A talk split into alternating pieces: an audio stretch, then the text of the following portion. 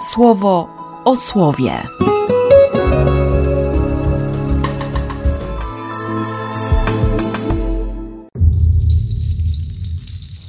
17 października, poniedziałek.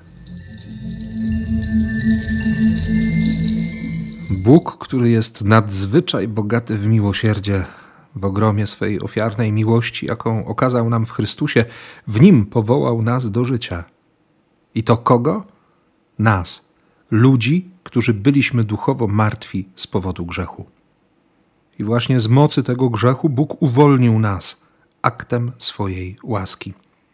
Taka jest suwerenna Boża decyzja i taki jest dar Najwyższego, który On nam ofiarował. Suwerenna Boża decyzja, dar, dar Najwyższego. Żeby złudzeń nie było, że sobie zapracowałem, że zasłużyłem, że wymodliłem nawet, że udało mi się przekonać, że mam tak silne argumenty. Nie, nie, biedaczkiem jestem, słabym grzesznikiem.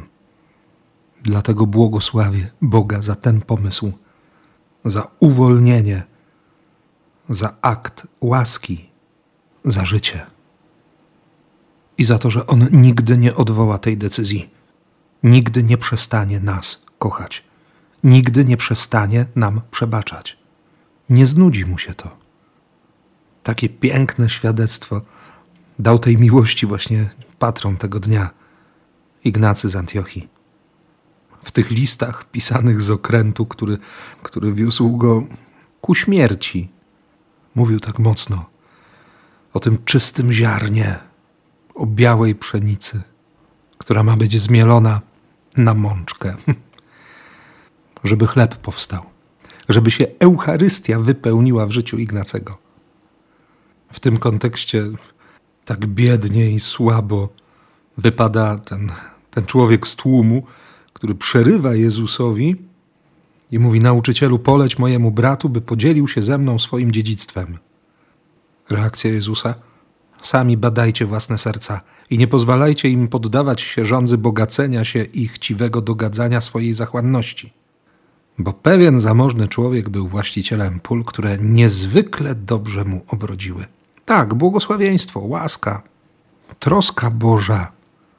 Problem, problem polegał na, na tym ja, na ego. Ego i mi, nie? Jestem. Powiedział sobie. Bóg zaś patrząc na niego, tylko westchnął głupcze. Jeszcze tej nocy wydasz ostatnie tchnienie i nawet nie dowiesz się, komu przypadnie to, co zgromadziłeś. Patrzę na, na Ignacego, który w centrum swojego życia stawia Chrystusa i, i chce być z Nim tak blisko, tak teraz. I patrzę na siebie i trzeba zwyczajnie zamilknąć. I dlatego, dlatego proszę, żeby Ojciec Niebieski, kiedy na mnie patrzy, nie musiał wzdychać i mówić głupcze i łapać się za głowę. Więc proszę Go, dla nas, dla Ciebie i dla mnie. O to nieustanne potwierdzanie aktu łaski, o udostępnienie nam życia w Chrystusie Jezusie, o ukazanie ogromu łaskawości przez łagodność. O to byśmy nie zapomnieli, że to jest Jego suwerenna decyzja i dar.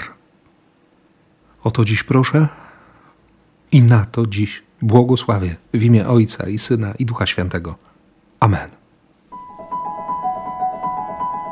Słowo o słowie.